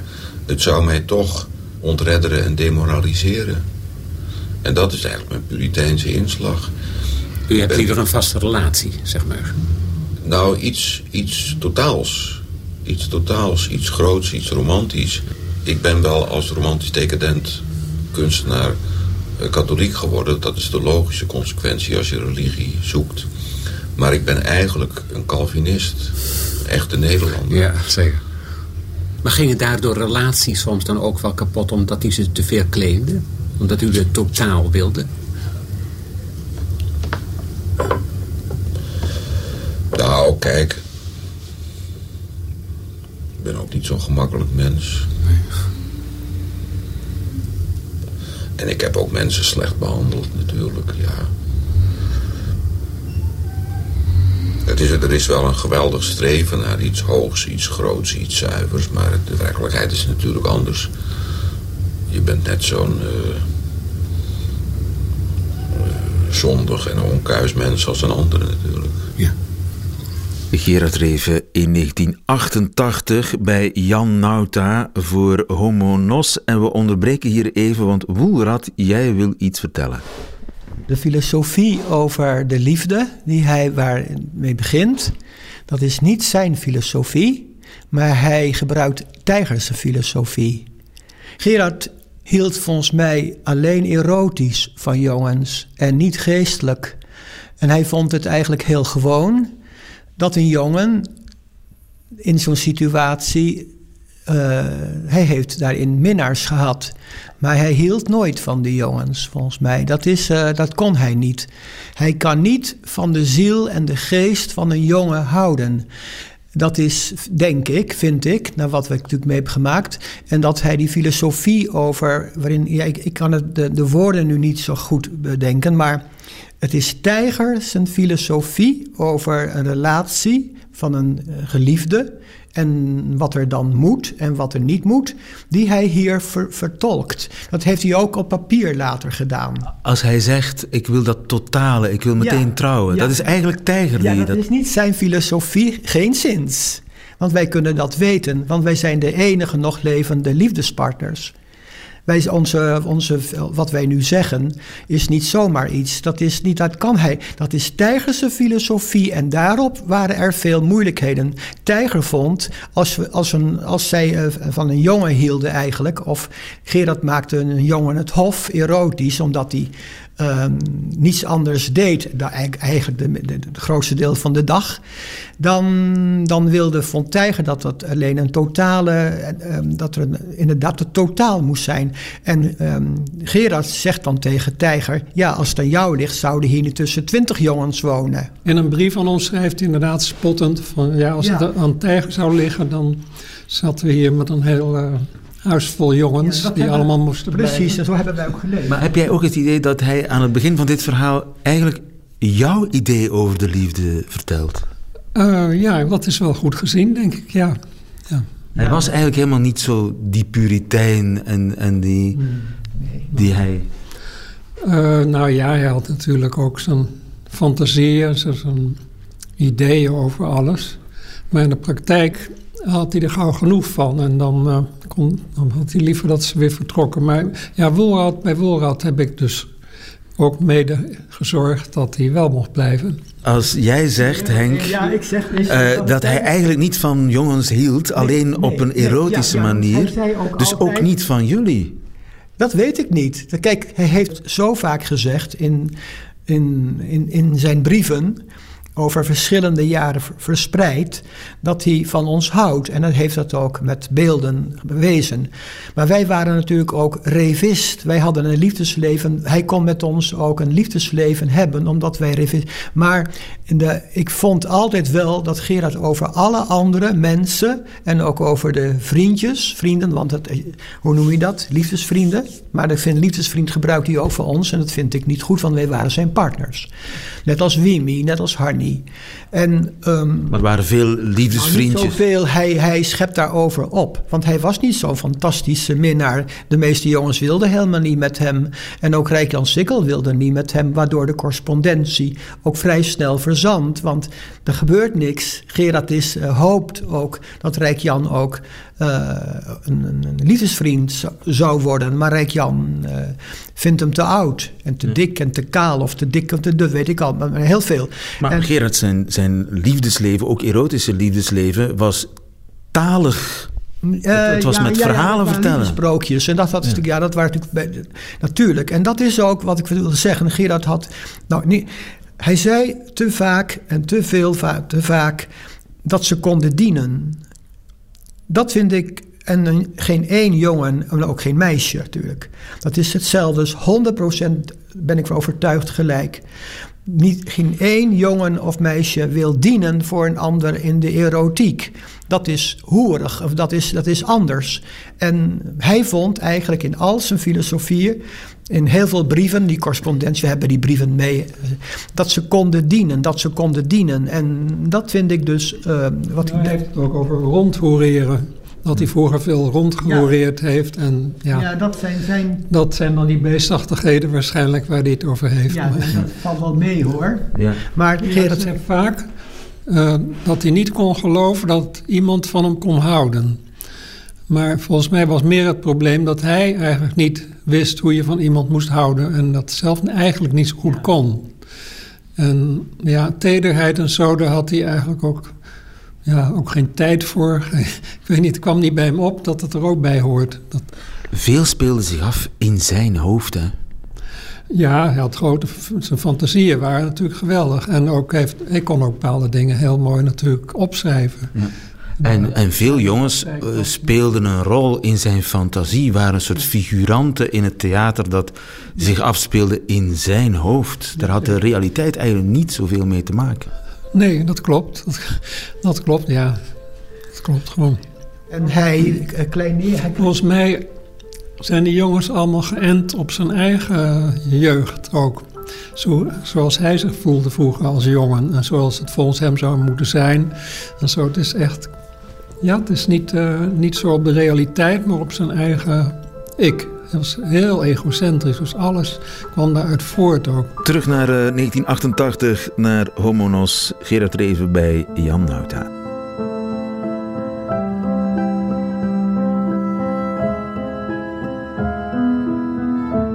Er is een bepaald probleem wat tussen de, de homoseksuele duurzame relatie uh, moeilijk maakt. Het is dit. Gesteld, er woont ergens een vriendenpaar. Dan gaat men al gauw bekijken op een manier van... hij is het mannetje en hij is het vrouwtje. Je hebt dus vaak types die elkaar enigszins aanvullen. De een is de persoon die het nest naar buiten beschermt die de, de handelende persoon is, die de beslissingen neemt als het ware. En de andere is wat huiselijker. Dat is dan, ik bedoel, dat is dan het extreme portret. Weet je, dat is de theezetter en de borduurder. Maar wat men vergeet, dat zeggen dat is het mannetje en dat is het vrouwtje, dat klopt niet. Want het zijn allebei mannen. En het wezen van een man is dat een man zich veel meer dan een vrouw uh, individueel verwezenlijken wil. En daaruit komen de conflicten voort. Dat een man kan nog zo vrouwelijk zorgzaam optreden... het huishouden voeren en alles en nog wat... hij wil zich toch laten gelden. Precies als die man, die andere man. Terwijl een vrouw, ja, een vrouw duldt een heleboel... en die die, die vindt eh, heel vaak het voldoende dat zij de vrouw van de burgemeester is... of de vrouw van de minister-president is. De vrouw van iemand zijn. Maar een man heeft er niet genoeg aan om de man van een man te zijn. En uh, de conflicten komen daaruit voort dat een homoseksueel wel in een bepaalde richting dus geïnteresseerd is wat zijn voorkeur betreft maar dat de homoseksueel toch een man is. En dat men het voor moet stellen dat de homo een soort, een soort uh, vrouw is, dat is onzin. Voor zover de homo zich als een vrouw gedraagt of probeert te gedragen... is wat hij vertoont een karikatuur van de vrouw. De relaties die u hebt gehad zijn ook eigenlijk beëindigd op grond van die ervaringen? Uh, nou, de, er, zijn, er zijn duurzame relaties geweest. Er is een relatie van zeg maar een jaar of tien geweest. En daarna is er weer een relatie geweest van een jaar of zeven, zes. Uh, ja, ik zocht toch waarschijnlijk iets wat niet bestaat. Ik zocht dus toch eigenlijk... Uh, ik maak de schijn op de buitenwereld van een heel gedecideerd, heel moedig, heel mannelijk persoon te zijn. Maar dat is helemaal niet zo. Ik, dat, dat is wel wat ik uitstraal. Waardoor allerlei mensen om raad bij mij komen, weet ik veel. Maar uh, ik ben helemaal niet zo buitengewoon goed voor het leven toegerust. Ik uh, zoek uh, graag gezag, autoriteit. Ik wil me graag aan gezag en autoriteit onderwerpen. Als ik autoriteit vind die ik ook werkelijk waardig vind. Ik ben niet te beroerd om onder het commando van een generaal te stellen... of onder het commando van die of commando van die... als ik respect voor die persoon heb. En dat ik denk, jij hebt het recht mij te commanderen... op grond van jouw kwaliteiten. Er zijn mensen die uit principe zich door niemand laten commanderen... wat natuurlijk onzin is. Ik ben blij als ik me aan het gezag van iemand kan onderwerpen... die dingen beter weet dan ik. Of die moreel hoger zou staan dan ik. En dat is altijd het probleem geweest. En dan, ja, zijn toch eigenlijk een van de twee grote relaties is toch te gronden gegaan door mijn drankzucht. Ik ben ongeveer, je gaat drinken als je het betalen kunt. En met de, weelde, met de welstand, of in elk geval dat je dus je, je kop boven water kan houden. Dus zeven jaar ongeveer, ongeveer van, ja, van 1963 tot ongeveer 69, 70 ben ik wel erg in de greep van koning alcohol geweest. En dat maakt de problemen ook niet makkelijker Nee. natuurlijk. En dat was uiteindelijk de reden dat de relatie eh, ophield. Dat denk ik. Ik denk dat... eh, de, Was dat de relatie met Tijgertje? ja, ja. Ik geloof dat het... eh hij was heel intelligent, heel zorgzaam. Het curieuze was dat onze handschriften hetzelfde zijn. Dus dat als iemand mijn archief nakijkt... Dus, eh, dan zijn er brieven bij die... eh, Door hem geschreven kunnen zijn. Nee, die zijn door hem geschreven, maar die worden door de leken niet herkend. Zo'n ge- gelijkenis van karakter. Hij zette ook mijn handtekening op mijn bankchecks. Dat mocht hij overigens hoor. Maar ja, hij kwam uit een heel ander milieu en eh, hij eh, was nog veel naïver tegenover de wereld dan ik.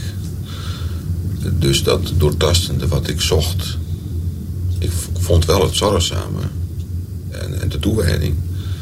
Maar niet het gezag dat ik nodig had. En in de relatie die u nu hebt hè, met de matroos, eh, dat hebt u daar wel in?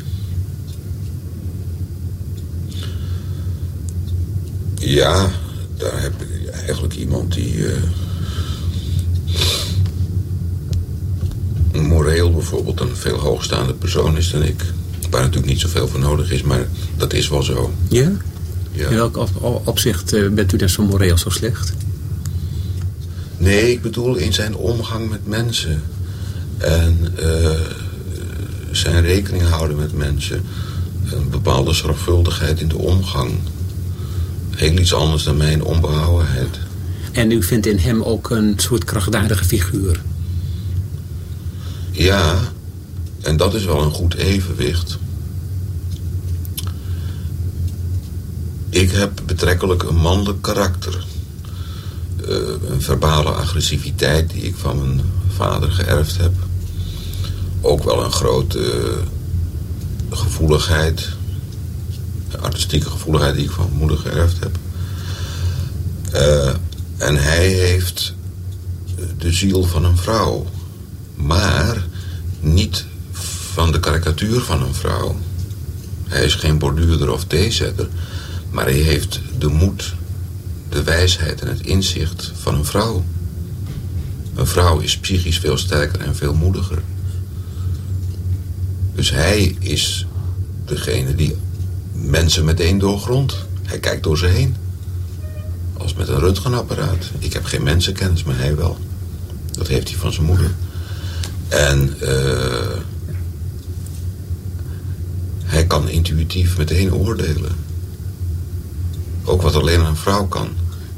Eh, eh, dat is ook ik, ik, ik oordeel op alles wat men mij voorzet. Dus iemand vertelt me een heleboel dingen. En ik weeg dat op grond van de dingen die die persoon zegt. Ervan uitgaande dat die dingen die die persoon zegt... overeenkomen met wat die persoon bedoelt. Maar dat hoeft helemaal niet zo te zijn. Maar hij hoort die persoon aan... maar eigenlijk luistert hij nauwelijks. Hij weet wat die persoon wil. Ja, hoe hij dat weet. Hij zoals een postduif de weg naar huis terugvindt. En dat is natuurlijk een gigantische steun in je leven. Ja. En hij is daardoor ook uw uh, zakelijk vertegenwoordiger naar buiten toe? Ja, hij kan dat veel beter dan ik. Nou komt er ook bij, uh, dat beter kunnen dan ik. Je hebt als kunstenaar altijd het idee, ja, uh, het is subjectief. Is dat nou zo'n groot geniaal werk? En uh, moet ik voor die of die prestatie nou werk dat bedrag hebben? Dat is je eigen twijfel. Maar als je het voor een ander doet, dan heb je die twijfel helemaal niet. Dus dat is gunstig. En hij neemt wat dat betreft de beslissingen voor u? Eigenlijk wel, ja. ja. Wat irriteert u nu in hem? Want ik bedoel, een relatie bestaat uit spanningen. Hè? Vandaag gaat het prima en morgen is het uh, hopeloos. Omdat weer bepaalde trekken je weer eens irriteren. Nou kijk, ik heb tegen hem gezegd... Uh, de dingen zijn wel eens hoog gelopen. Maar... Het is in elk geval iemand die voor mij leeft en die, die alle kwaad dat mij zou kunnen bedreigen afweert. Ook wel eens, volgens mij, een beetje ten onrechte. Maar in alle spanning en alle stormen die er geweest zijn, heb ik, heb ik tegen hem gezegd... kijk eens, uh, wij zullen toch altijd bij elkaar moeten blijven. Misschien willen we wel van elkaar af, ooit. Maar dat kunnen we niet. Dat is niet mogelijk. Dus dan kunnen we beter ons erbij neerleggen. Maar waarom moet het eigenlijk? Nee, het is zo beschikt. Zo voelt u het? Kijk, en als er niks meer aan te doen is, dan zeg je dat is ook een troost. Hè? Zoals de Turken zeggen, als ze de verkeerde het hoofd afgeslagen hebben. Hè? Er is niks meer aan te doen. Dat is één troost.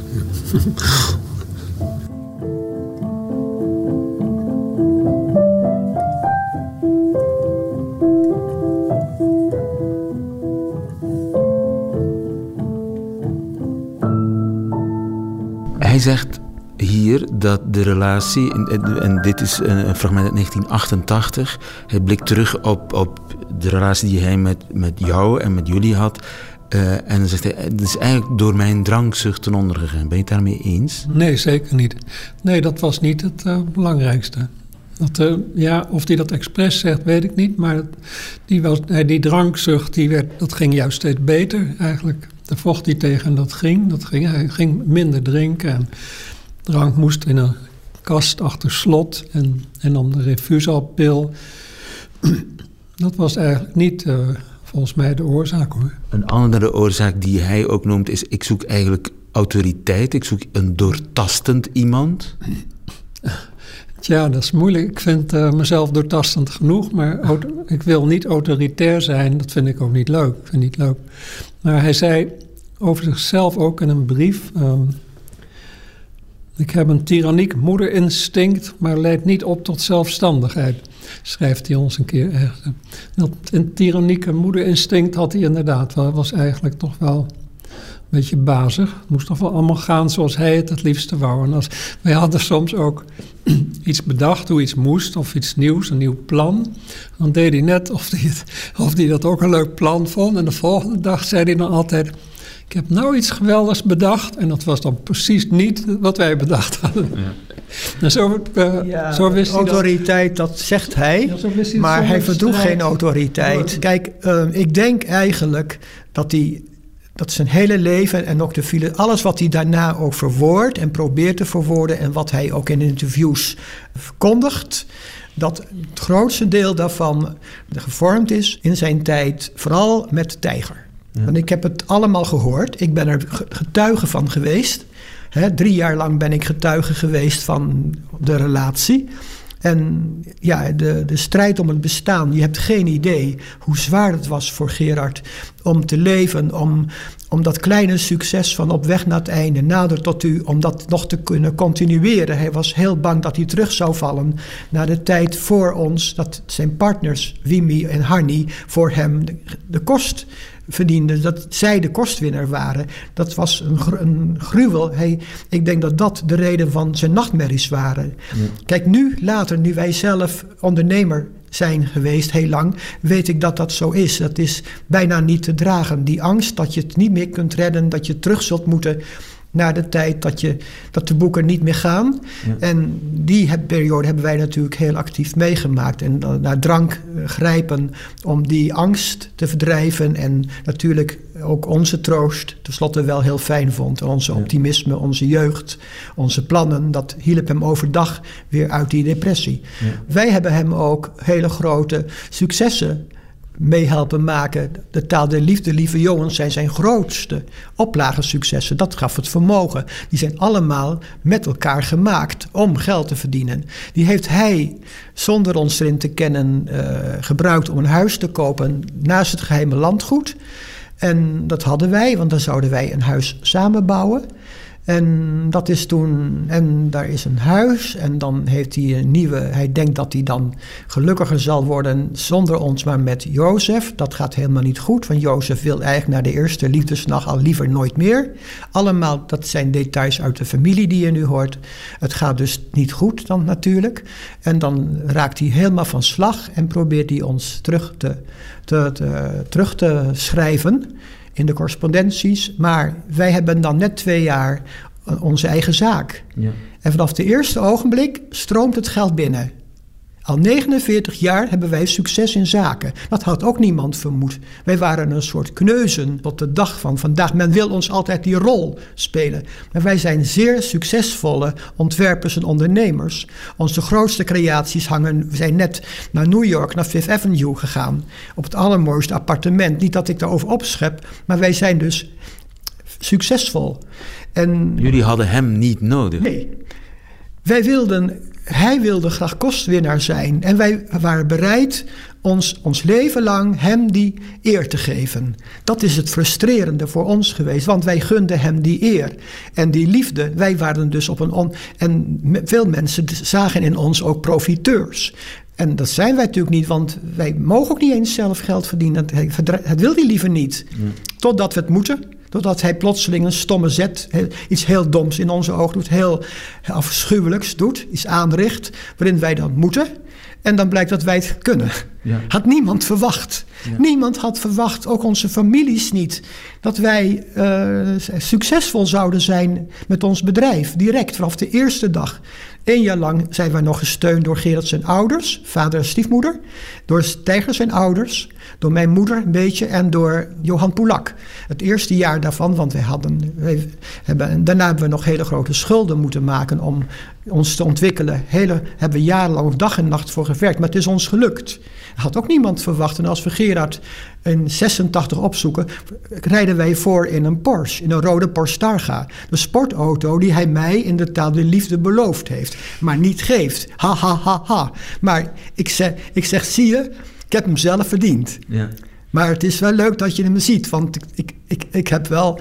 Ik vond het wel heel lief van je dat je mij een rode sportauto wilde geven als symbolisch aan een jongen, aan een jonge jongen die symbolisch een jongen. Het is vertegenwoordigt de, veel jongensdromen. Het is voor die, en dat is allemaal bereikt. En dat was, heeft hem ook heel erg. Eh, tot het laatst toe heeft hij tegen iedereen ook gezegd: Tijgertje en Wolrad rijden tegenwoordig in een rode, rode Porsche.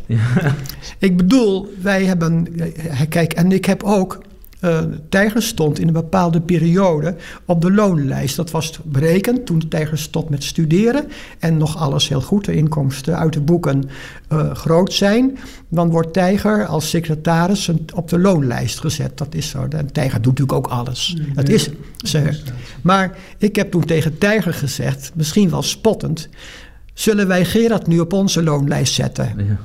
Zo kon, dat konden wij, want we hadden na twee jaar al drie mensen op de loonlijst. Dat kun je, niemand, dat is hinder, wij, het is een omkeer, een omkeren van de rollen.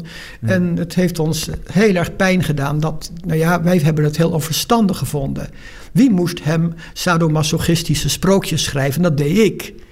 Ik, heb geen sadomasochistische lustfantasieën. Helaas had ik die niet. Dus toen Gerard bleek dat dat, dat een essentieel onderdeel was van zijn verhalen. Daarom konden veel jongens natuurlijk ook niet met hem verder. Omdat het in wezen was, hij had hij sadomasochistische lustfantasieën.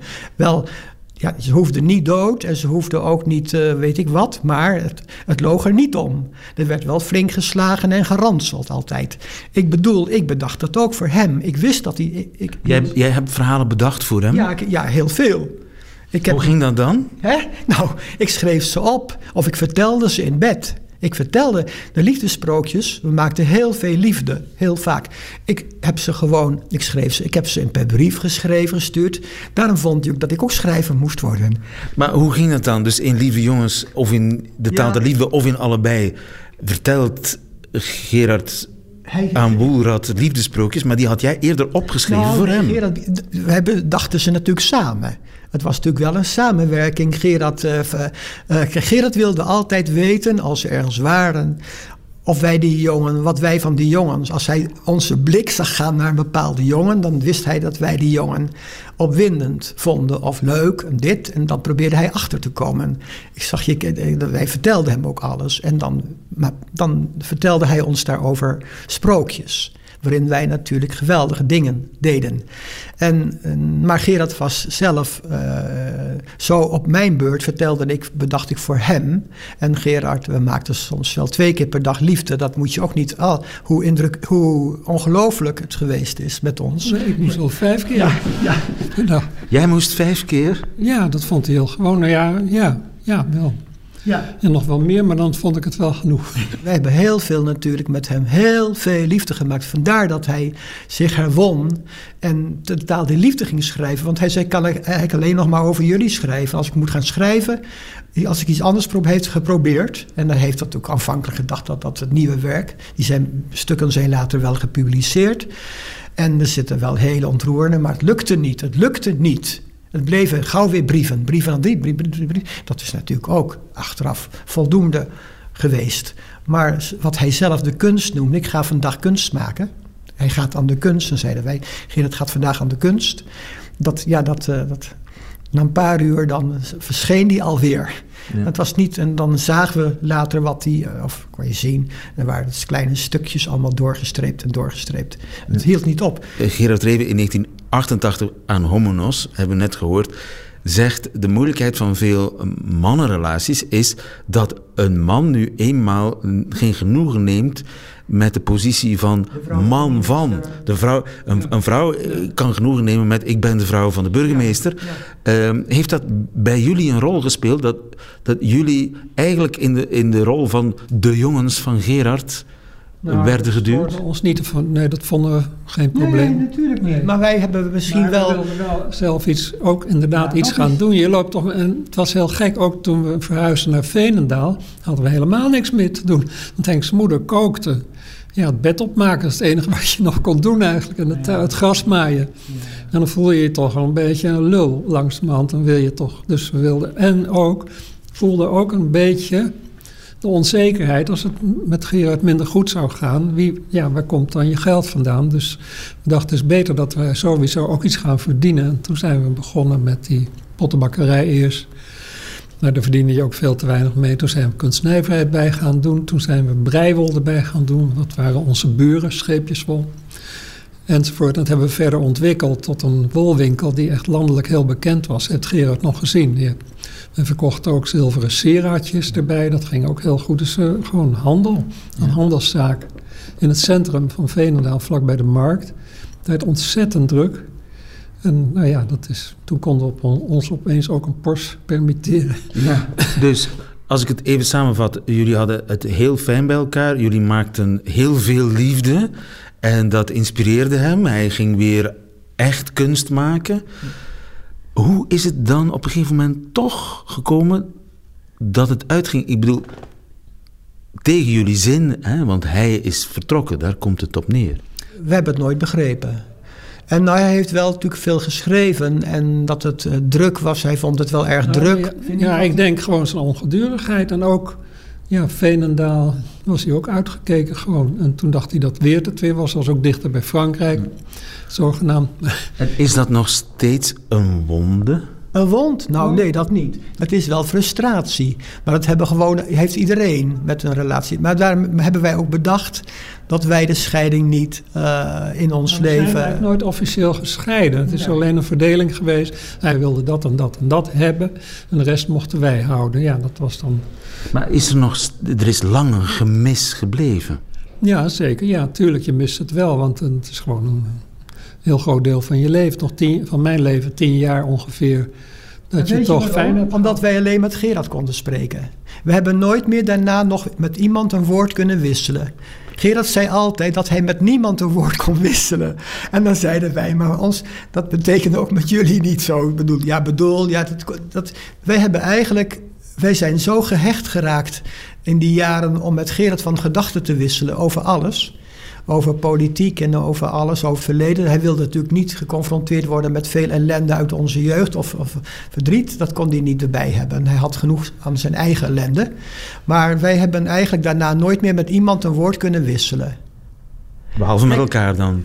Ja, natuurlijk, maar hebben... Dat heeft jullie misschien zo hecht gemaakt, want jullie zijn... Ja, nou ja, wij hebben natuurlijk voortgezet, maar ik geloof dat wij nooit meer zo... Wij hebben nooit meer... Wij zijn zo verwend door zo'n waanzinnige partner. Het, het erotisch was die zeer gecompliceerd, wij, wij voelden veel dingen anders. Maar dat maakte voor ons niet veel uit, want wij hielden van hem en we pasten ons wel aan in de erotiek. En wij missen uh, onze... Uh, maar dat is niet uh, zielig of zoiets. Maar we hebben eigenlijk nooit meer met iemand kunnen praten. Dat is niet wel sterk. Ja, ja. ja, daar heeft hij wel gelijk in. Ja. Dus het, het vertrek van Gerard heeft eigenlijk jullie op elkaar aangewezen gemaakt. Ja, ik geloof wel dat dat uh, heel, erg, heel erg heeft... Uh, ik kan ook niet, uh, als stijger alleen gaat boodschappen, ben ik al zenuwachtig. Maar ik bedoel, uh, wij waren ook zo op hem aangewezen in de tijd en hij op ons. Hij kon ook niet goed zonder ons. Als wij weg waren, werd hij ook ongelukkig. Als wij in Sneek boodschappen gingen doen, dan, dan, dan was hij ook heel uh, maakte hij zich ook zorgen dat er iets zou misgaan en dat hij van ons verstoken, die hele correspondentie. We hebben ook nooit begrepen dat hij, zo, dat hij buiten ons kon. Ja. Dat hebben wij dus nooit, ja. nooit begrepen. Ik zei wel, wie, wie vertelt er nou nog liefdesprookjes? Wie, wie doet dat dan, toch? Als je zeven, acht keer per dag uh, erotisch verlangend bent om, om, om, om heet dat een, net woord, om het, het, wonder te laten geschieden of zoiets, een van zijn uitdrukkingen. En wie, als je het leest over later, wat een armoede. En je kunt ook zien in zijn werk. In zijn latere werk, ik heb, ben ervan overtuigd hoewel ik natuurlijk, ik ben niet uh, wetenschappelijk gevormd in de literatuurstudie. Maar ik ben ervan overtuigd dat hij na de breuk met ons nooit meer iets van belang heeft geschreven. Hè? Wat zeg je daarvan, lieve? Dat hoor je ook niet iedere dag. Nee, uh, ik weet niet of ik het daarmee eens ben. Nee, ik vind Bezorgde. Ouders wel een topboek. Ja, maar dat gaat over Tijger. Inderdaad. Dus dat hoort er eigenlijk bij. Ja, ja. ja uh, kijk, dat, dat hoort erbij.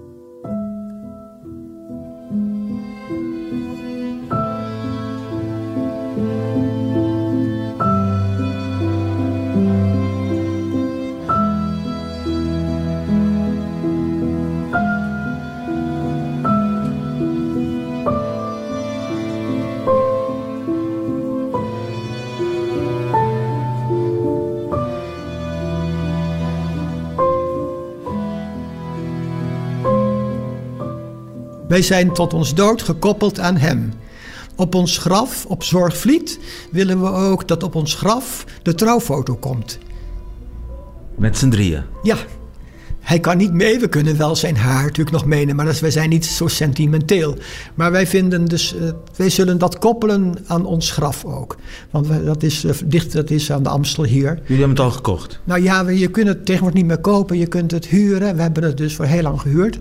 En uh, wij willen dat op ons graf, als het zover is, dat onze trouwfoto, dat op, op, op heel graven kun je nog in Emaille, dat vond Gerard zelf ook zo prachtig, dat je een foto ziet van de dode die daar ligt. Dat is ook heel geweldig, sentimenteel.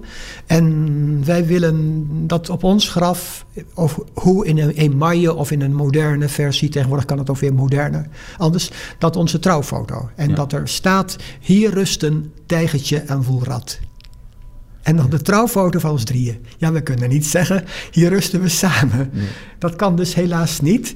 En, uh, en na 50 jaar heb je daar nog altijd... Hè? het is nu 50 jaar dat Gerard er niet meer is voor, in jullie leven. Ja, ja. Maar ik heb het idee dat hij er wel nog is. Nou, wij die, kijk, dat is voor anderen die de, de, de, uh, het is denk voor iedere partner, voor iedere, in ieders leven, dat in zijn of haar leven het verleden nooit ge, uh, gedateerd kan worden met tien. Voor al, ieder mens waarin belangrijke. Voor jullie was het gisteren? Uh, dat, dat, dat het als gisteren is. Voor ons is het altijd als gisteren, maar voor de medemensen die we ontmoeten is het altijd heel lang geleden of dit en dat. En daar daar proberen we dan maar langs te manoeuvreren. Ik hoop dat dat graf nog heel lang ongebruikt uh, zal blijven. Ja, lief dat je dat zegt. Wij hopen dat natuurlijk ook. Mag ik jullie heel hartelijk danken voor deze boeiende confidences, zoals je zegt. En, en jullie nog heel veel uh, plezier en werkgenot gunnen en wensen met jullie ontwerpen? Bijzonder. Het was, uh, ik denk dat dit ons beste... In, we hebben vaker geprobeerd iets zinnigs te zeggen over, ons, met, over Gerrit en ons. Ik denk dat dit het beste is wat we tot nu toe hebben weten te verwoorden. Dat het voor heel veel, op heel veel punten, dat wij uh, heel veel uh, duidelijk zijn geweest. Dank jullie wel. Tijger en Woelrad, einde van deze podcast. Er zijn nog negen andere afleveringen die u, als u uh, tijd en zin hebt, uh, rustig kunt beluisteren.